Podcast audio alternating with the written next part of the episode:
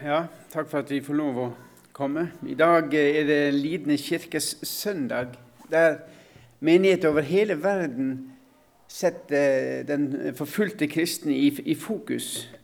Og eh, jeg skal ta dere med litt grann, eh, inn i det vi jobber med. Jeg skal prøve å holde tida. Reidar har sagt at det var viktig å holde tida, så nå skal jeg prøve å holde tida. og hvis de jeg pleier å si at begynn å kaste salmebøker hvis jeg går for overtida.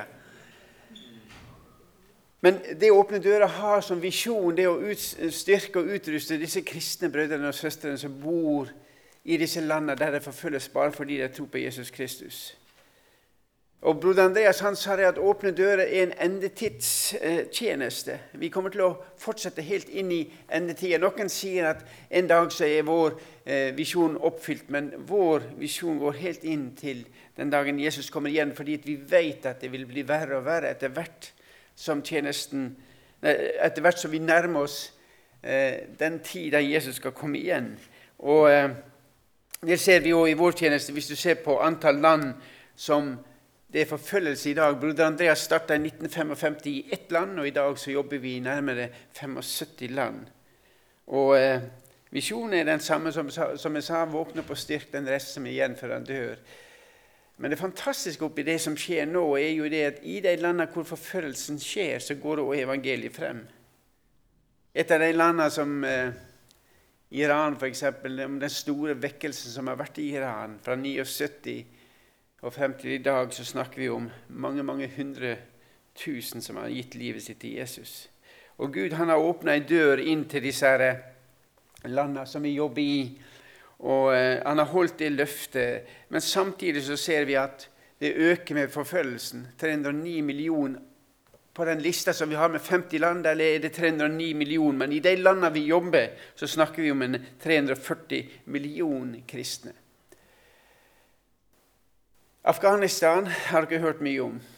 Hvis dere ser på nyhetene da det falt, eh, Taliban tok over, så fikk du disse, et av disse bildene som ble vist, var et, det her, her med folk som var på vei da, ut til flyplassen i Kabul. Vi så folk som hoppa om bord på, eller krøp opp i hjulbrønnen på flyet for å få lov å kunne være med Det. Vi vet at det falt ut når flyet tok ut. Og Det er en nød i det landet. Men når jeg så det bildet, så kom jeg til å tenke på det at Jesus døde for alle disse her. Men jeg har ikke peiling på det. Hvordan kan jeg vite uten at noen forteller? Og Jeg så også bilder av disse to eh, damene her, ei jente og ei dame som er blitt så gammel at hun må bruke burka. Når jeg så det bildet, så tenkte jeg på det som Gud gjorde da han skapte kvinner. Der står det at til seg selv fant mennesket ingen hjelper av samme slag. Men så tok Gud og skapte en hjelper av samme slag som skulle være med å hjelpe ham. Og I det landet her, jeg pleier også å si at Når du ser på Afghanistan, så tror jeg at du kan se et land der mennene styrer og tar over og ikke spør etter hjelp fra kvinnene, så skjer det som skjer. Det landet der trenger at kvinnene får lov å komme til for å vise morskjærlighet, for å vise kjærlighet. Og jeg... Vi har noen som jobber sammen med oss. Broder Samuel kaller vi han. Han sier at hemmelig troende er enda mer sårbare nå etter at de hadde Taliban har tatt over. Det var vanskelig før, men nå er det blitt det står her at det er blitt vanskeligere nå, men han bruker ordet ti ganger vanskeligere etter at Taliban tok over. De har måttet skjule troa si for familie. De blir avvist. Noen gang blir de drept. Og Det er nesten umulig å være Jesu etterfølger i det landet. Men vi vil følge med på deg, Vi vil være hos deg, vi vil hjelpe deg. Og vi vil oppfordre til forbønn for disse som bor i dette landet. her. Og Vi har også laga noen bønneemner som vi har på hjemmesida vår. Hvis dere går inn der, der, der vi ber om, at, ber om at den lille gruppa av kristne i det landet kan fortsette å bli der. Vår, vår, vår, vår nød er at la ikke ditt folk forsvinner fra det landet. Du må alltid ha noen til å være lys og salt, slik at de kan få lov å vite. Be for de som måtte flykte og, og slippe alt de eier. Absolutt alt de eier. Og så får de reise ut for å starte på nytt. Be for disse kvinnene, damene, at de må få, få sin plass i det landet. Og be for de som er syke, for covid herjer òg i det landet der. Og be om at, Afghanistan ikke skal bli et fristed for ekstremister. Jeg kunne holdt på lenge med Afghanistan, men jeg har lyst til å gjøre et langt hopp til Nigeria, til Lea Sharibu. 14 år gammel så blir hun kidnappa. I dag er hun 18 år. Hun har fått to barn, eh, sies det. På de rapportene vi har. Hun er gift til en muslim. Hun er i Boko Haram-leiren. Da hun ble kidnappa, var det slik det var 100, 110 stykker, 110 jenter som ble tatt. Fem av dem dør på transporten opp til Boko Haram, der de har dem. 104 andre ble løslatt fordi de var muslimer, men Lea var en kristen. Og Disse 104 jentene forteller det at når de skulle reise fra leiren og bli sendt hjem igjen, så falt de på kne og så sa til Lea Lea, du må fornekte troa på Jesus. Da får du lov, lov å bli med. Men da 14-åringen sier nei, jeg vil følge Jesus, og så sier hun jeg har en hilsen til mamma. Kan dere si til mamma at du må ikke bekymre deg, mamma? Og Så sier hun følgende jeg vet at det er vanskelig for deg å savne meg, men vil, ha, vil at du skal vite at jeg har det bra her hvor jeg er. Jeg er overbevist om at jeg en egen dag skal få lov å se deg ansikt til ansikt. Men hvis det ikke skjer her på jord, så er jeg fanget til min kjære Herre Jesus. En 14 år gammel jente. Hun er der fortsatt. I dag er hun 18 år. Og så sier vi vil dere huske på Dere skal slippe å, å love meg at dere ber for Lea, men hvis Den hellige ånd minner dere, vil dere da be for henne? Hun kommer til å trenge det. Og hun er et enormt vitnesbyrd for Jesus der hun er. Og det kan godt hende Jeg tror ingen sitter i sånne situasjoner som Lea uten at Gud vet om det, og at han har en tanke rundt det. Gud har noen kristne inne i den leiren til Boko Haram som skal være et vitnesbyrd. Og så er det opp til deg og meg å bære dem, slik at de får mot og kraft til å stå i det de gjør og det å be for folk Jeg viser dette på alle møter som jeg har. Å folde hendene i bønn til Gud er et opprør mot alt som har gått galt. Gud, vi aksepterer ikke det. Vi løfter opp på ditt plan. Må du ta kontroll. I Leas situasjon må du ta kontroll. I uh, Afghanistan Gud har en plan med disse landene, her, men av og til er det vanskelig å forstå det. Men Gud har kontroll på tross av. Gud har kontroll uansett hva vi tenker. Og det det å be det får oss til å se virkeligheten fra Guds ståsted, at Guds rike går frem i disse landene. her. Der er en liten ung jente i Boko Haram-leiren som forkynner evangeliet med livet sitt. Og Gud ønsker at jeg skal få vite det. Nå kan dere begynne å ta tida, for nå begynner talen. Jeg når jeg skulle tale til dere, så hadde jeg tenkt å tale over lys og salt. Men før jeg begynner på den teksten, så har jeg bare lyst til å minne dere om det som står i apostelgjerningene 8.1-4, der det er snakk om at Stefanus er drept, og Saul begynner å jage etter, eh, etter eh, de kristne. Og Det blir en kraftig forfølgelse i Jerusalem. Så står det med gult at alle unntatt apostlene ble spredt omkring i Judea og Samaria. Og Så står det at Saulus han for hardt frem mot menighetene, men på slutten her så står det de som var spredt rundt, omkring, drog rundt og forkynte ordet. Forfølgelsen var pga. at de forkynte Jesus Kristus, men når da forfølgelsen bryter ut, så reiser de ut til Judea og Samaria, og de forkynner. De fortsetter å snakke om det. De klarer ikke å skremme dem vekk fra det oppdraget de har fått. Og Jeg har lyst til å bare ta dere tilbake til, eh, til, til eh, Apostelgjerninga 1 der, der, Jesus, der det blir sagt hvordan Jesus forteller til deg at dere skal vente. Dere skal vente til, jeg gir dere Den hellige ånd, og så skal dere reise ut. Og så står det dere skal reise ut i Samaria og Judea, og til jordens ende skal dere forkynne evangeliet. Og når jeg las disse to kapitlene, så tenkte jeg, så tenkte jeg at disiplene reiste ut til Samaria og Judea. Og det er opp til deg og meg. Vi er med på det som oppdraget Jesus gir. Jordens ende er ikke fullendt. Så det oppdraget som Jesus gir, det er det du og jeg som skal fullføre. Vi har fått et oppdrag om å fullføre og bringe det ut til jordens ende. Og så er det så lett å sitte her på Vigrestad eller i Stavanger, der jeg bor. Ja, ja, jeg er nå her. Og så tenker vi på jordens ende. Det er der ute. Det er så enkelt å sende folk ut på misjonsmarka. Det det er mye enklere å sende folk til Afrika enn å gå til deg her på Vigrestad. Det er vår oppgave å gå ut. Nå er ikke Vigrestad jordens ende, men det er en del av Det er ikke Samaria, det er ikke Judea, men det er en del av det siste. At vi har fått et oppdrag. Og når du er sammen med disse her, som lever i disse landene her, som betaler en enorm pris, og der det koster Hanna, f.eks., fra Sørvest-Asia Hun sa det til oss når vi var sammen med henne. Jeg reiste sammen med henne, så sier hun dere, dere kristne i Vesten dere må være en sterk kirke. Dere må stå på Guds ord, for vi trenger en sterk kirke som ber for oss. Og det, og, og det hun egentlig sier, stå på Guds ord. For vi trenger en sterk kirke som ber for oss. Og dere, Det er en utfordring til oss. Lever vi i Ordet?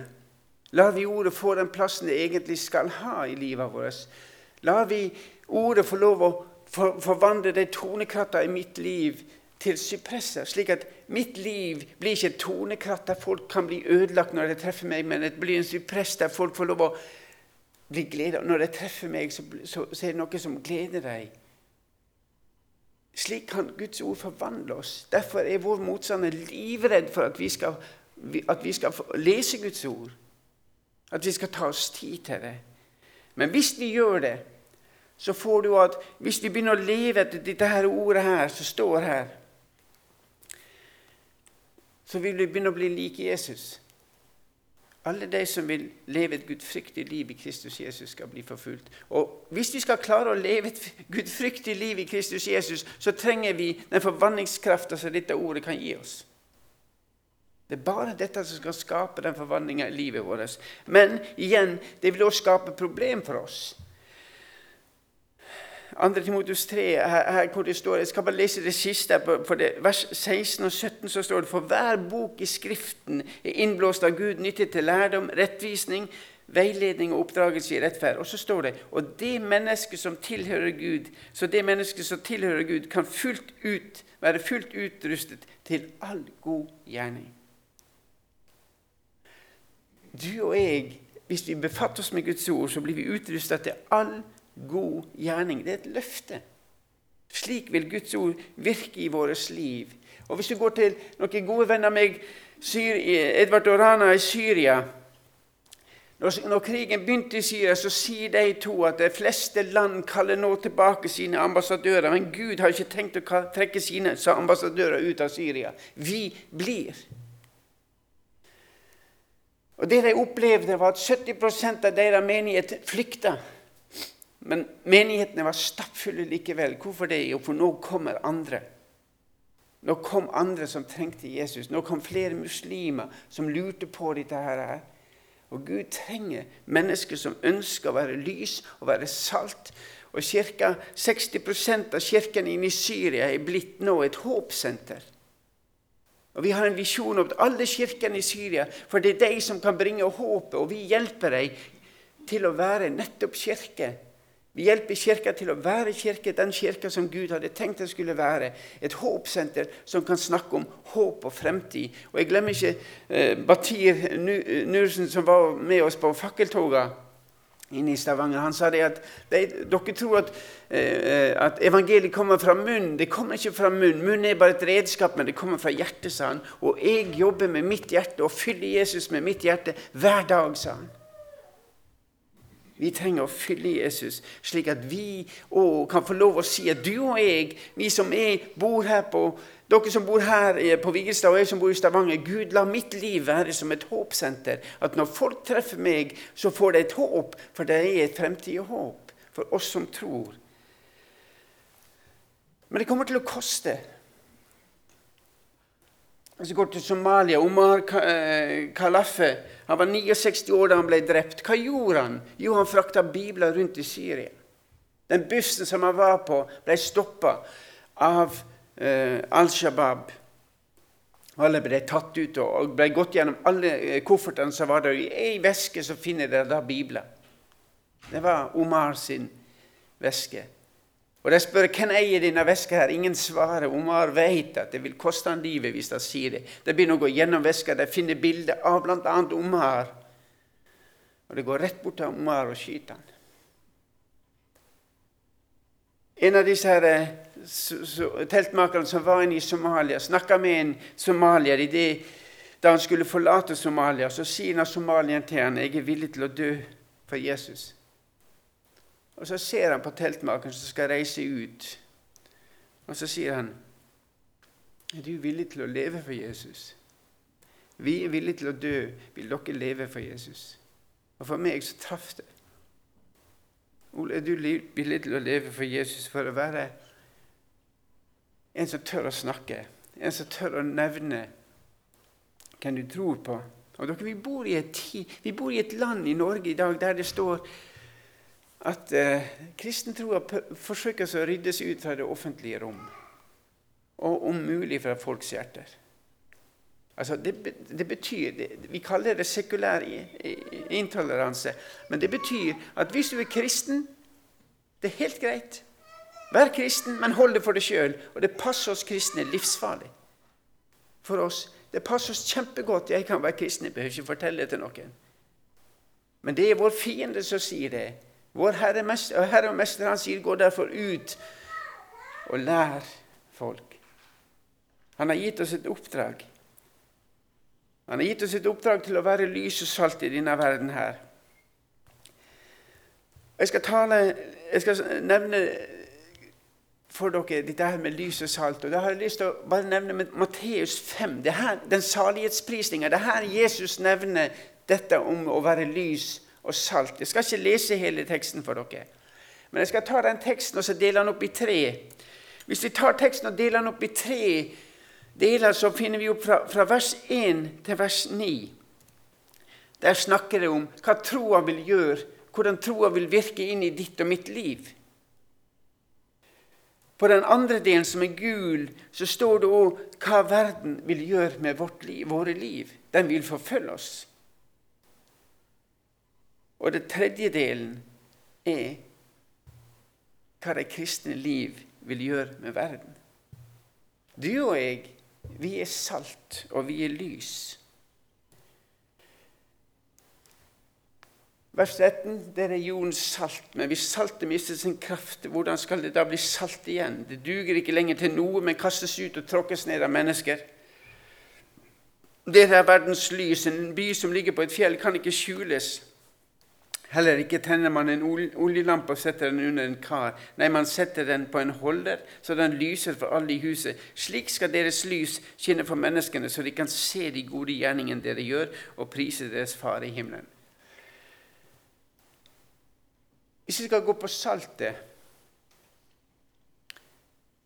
vi har Vår forståelse av salt det er smaksforsterker, det, det, det hindrer at ting råtner og forringes. Men Jesus har gitt oss ei forklaring på hva han ser på med dette med salt. Hvis du da går til Lukas 14, så sier Jesus der Og det er den eneste forklaringa Jesus gir oss. At salt er en god ting, men hvis også saltet mister sin kraft, hvordan skal det da bli salt igjen? Det kan ikke brukes verken i jord eller gjødsel. Det er bare til å kaste. Den som har øre og høre, hør. Jeg, når jeg begynte å så på dette, så tenkte at dette er jo en helt annen måte å tenke på enn det du og jeg tenker når det gjelder salt.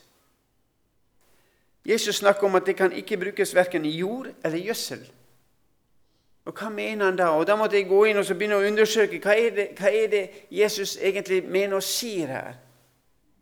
Den forklaringa jeg fikk, var det at det saltet som de brukte, det kommer fra Rødehavet.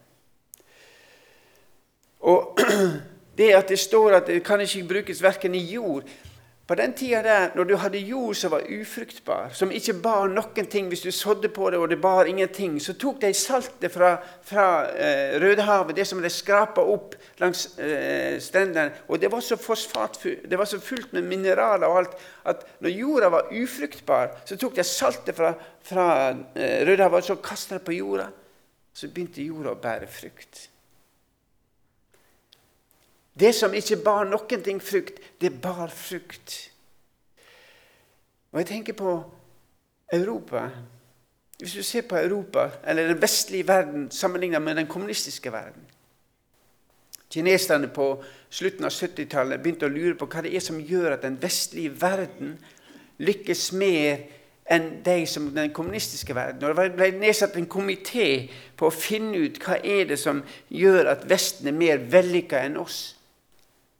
Det var noen pastorer som var på omreise, amerikanske pastorer som var på reise i Kina. og de var temmelig slitne, men på slutten av dagen kom de til et universitet og skulle ha et foredrag eller få et foredrag. og Da var det en av de som var med i den komiteen. Han forteller det at eh, leder den komiteen som skulle finne ut hvorfor Vesten var mer vellykka enn den kommunistiske verden.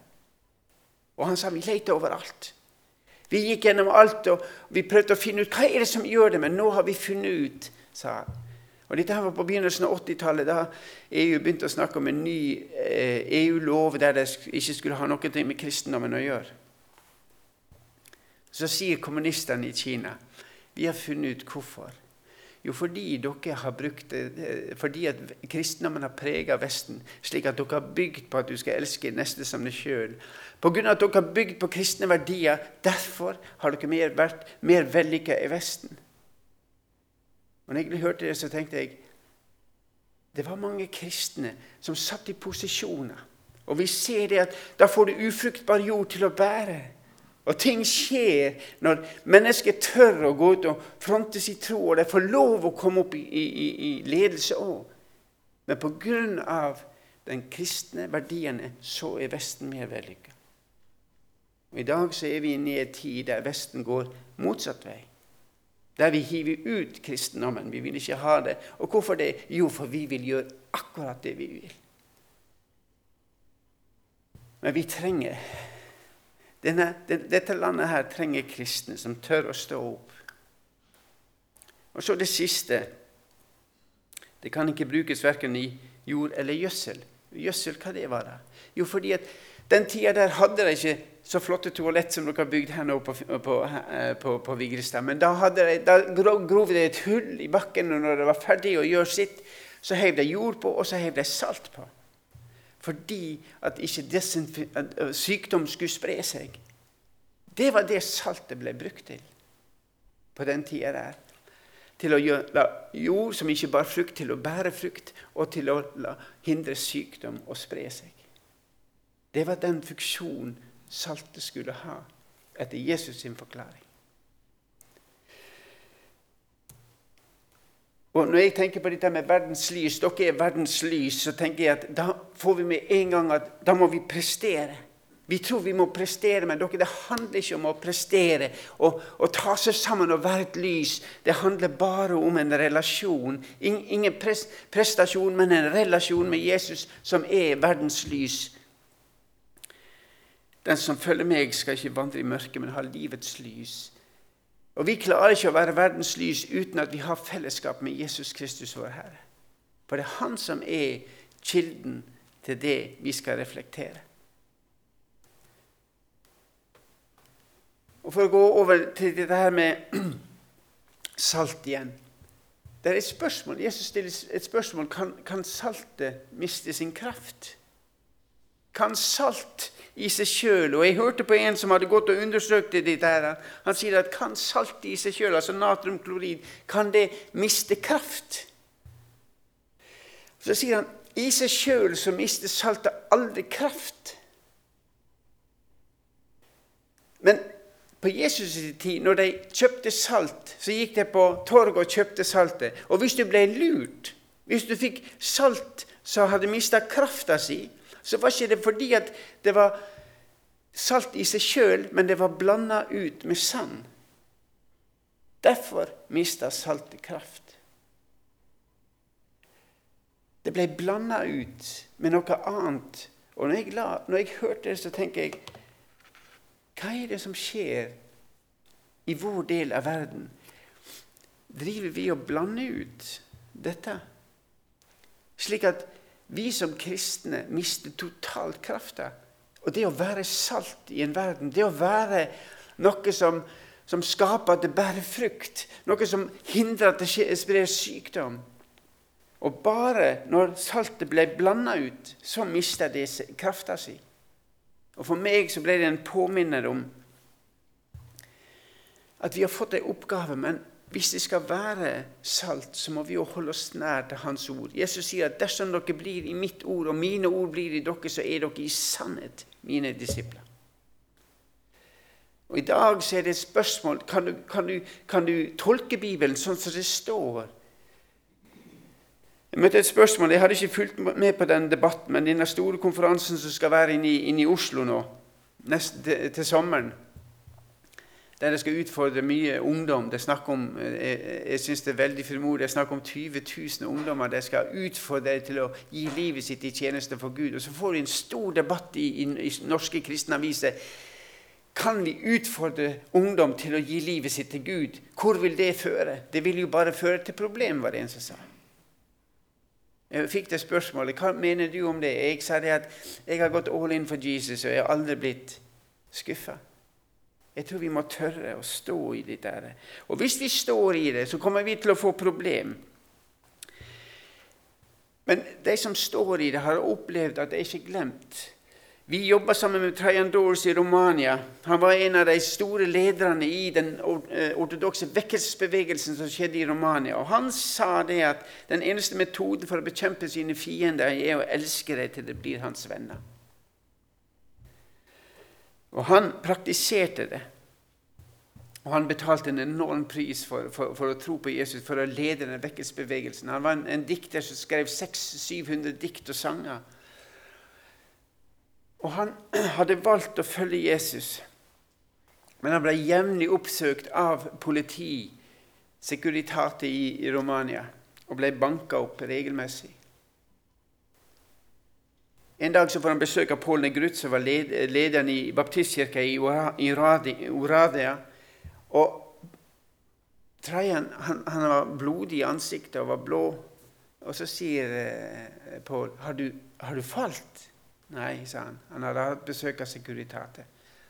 Han var blitt banka opp igjen. Og Pål ble rasende. Han sa dette må ikke vi godkjenne. Vi må gå til myndighetene og, og, og klage.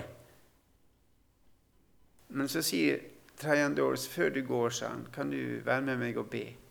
Og Så kneler jeg ned, og så ber eh, Trajan Dors for de som har vært der. Og han ber spesielt for den politibetjenten som leder dem hver gang. Og Pål sa det at jeg ble helt skamfull. Trajan Dors aksepterte det som skjedde, og han valgte å være et vitne for dem. For hver gang, eh, hver gang politibetjenten hadde vært der, og han skulle til å gå etter at han har rundhjult eh, trærne, så sier han politibetjent, jeg elsker deg. Jeg vil at du skal vite at hvis vårt neste møte blir foran Guds trone, så skal, ikke, vil ikke du havne i helvete fordi jeg hater deg, men fordi du forkaster kjærligheten. Dette gjorde han hver gang. Og Historien forteller det at en dag så banka det på døra hos Trajan. På utsida så står politibetjenten. Og Trajan tror han nå er en ny runde, men denne gangen er politibetjenten alene. Så kommer han inn og så sier han, 'Jeg har noe må dele med deg'. Og Så sier han at Heddors, neste gang vi møtes, vil være, eh, vil være foran Guds dommertrone. Jeg er kommet for å be om tilgivelse og for å fortelle at din kjærlighet rørte med hjertet mitt. Jeg har bedt Jesus om å frelse meg. Og Så sier han det at jeg har vært hos legen, og jeg vet at jeg har bare noen få uker igjen å leve, men jeg ville at du skulle vite det. Og jeg tenker på Trajan fikk lov å vite det. Men det er ikke alltid vi får lov å vite hvordan livet vårt fungerer. Men jeg tror og jeg vet at det vil innvirke på disse menneskene. Og Det står det at det er ikke de og min oppgave å overbevise mennesket. Og Det er så deilig med å tenke på dette med evangelisering når vi snakker om Jesus. Det er ikke vår oppgave å overbevise dem, for det er Den hellige ånds oppgave. Det kan vi overlate til Han. Vår oppgave er bare å dele det vi har fått. Og Så kommer Den hellige ånd, og så overbeviser han. Og Den hellige ånd, det var han som hadde overbevist denne politibetjenten. Jeg kommer å finne den Jesus som Trajan tror på. Han valgte, Trajan Doors valgte bare å være trofast mot ordet i Matteus 5. Du skal tilgi, og du skal elske dine fiender. I tredje Doors så, så, så, så nådde han frem. Og det å være lys, som jeg sa til dere at vi, Lys er ikke en prestasjon, men det er en relasjon. Resultatet av en relasjon med Jesus. Jesus er verdens lys. Og Når vi tenker på lys, der det står at eh, 'ditt ord er lykt for min fot og lys på min sti', så tenker vi ofte på når vi har biler med xenonlys, ikke sant? så lyser 300 meter langt frem. Men hva slags bilde er det som passer best for deg og meg? I vår del av verden så vil vi tenke på den bilen, men på Jesus' tid så var det snakk om ei oljelampe. Og Den oljelampa fungerte slik at du så bare nok. Hvis du skulle bruke den lampa til å gå, så måtte du ta ett steg for å se neste steg. Slik at hvis du ble stående stille, hvis du ønska å se 300 meter frem, så har du aldri gått. Men Jesus han ønsker at vi skal få lov å gå sammen med han steg for steg, og så tar han oss videre. Mens vi er slik laga at vi ønsker å vise langt frem. Mens når det gjelder Jesus, så sier han hver dag har nok med sin egen plage. La meg få lov å gå sammen med deg dag for dag. Og mørket Dette her med mørket Mørket er et ord som vi bruker for å definere det totale fraværet av lys. Mørk, du kan ikke skru på mørket, da må du ta vekk lyset. Og du og jeg vi kommer inn i et mørke, og vi er lys, og ingen kan skru oss av. Hvis vi er der og Har dere hørt noen ikke-kristne si eh, om kristne Hvorfor tror dere kristne at dere er så mye bedre enn oss? Jeg har aldri hørt kristne si det. Men jeg tror, jeg tror det er fordi at når de kommer i nærheten av lyset, så føler de seg avslørt. Og dere, jeg, tror dere skal være mye mer frimodige og gå inn i sammenhenger der dere ikke har vært før. Vi er litt redde, vi kristne, til å vise oss i plasser der Nei, den kristne går ikke der. Hm. Kanskje kristne burde være inne på disse litt mørke plassene. At vi må Vi går bare på bedehus, vi. Ja, Nei, kanskje vi skulle vært andre plasser òg. Det er så flott å høre når folk sier at 'jeg er fotballtrener'. 'Jeg trener sønnen min'. Jeg syns det er så flott, fordi da er vi med, da er vi lys inn i den delen av verden, og vi trengs.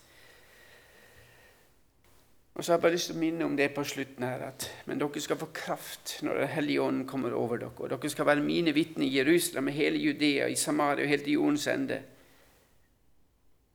Og de som var spredt omkring, dro rundt og forkynte ordet.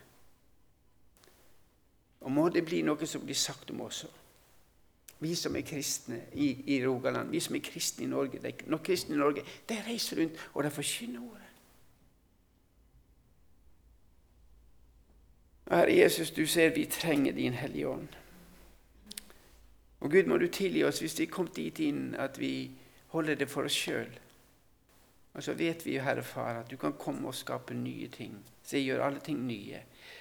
Trenger, jeg trenger at du kommer og skaper nye ting i mitt liv, Jesus og gi meg frimodighet. Og jeg ber også for alle kristne i Norge. Jeg ber for alle kristne her på Vigrestad, Gud. Jeg takker for det som skjer her, far. At her er mange som har en utrolig eh, frimodighet. Og så ber jeg, Herre Far, må du la det skje med oss alle sammen. At vi, der vi er, at vi tør å dele hvem vi tror på.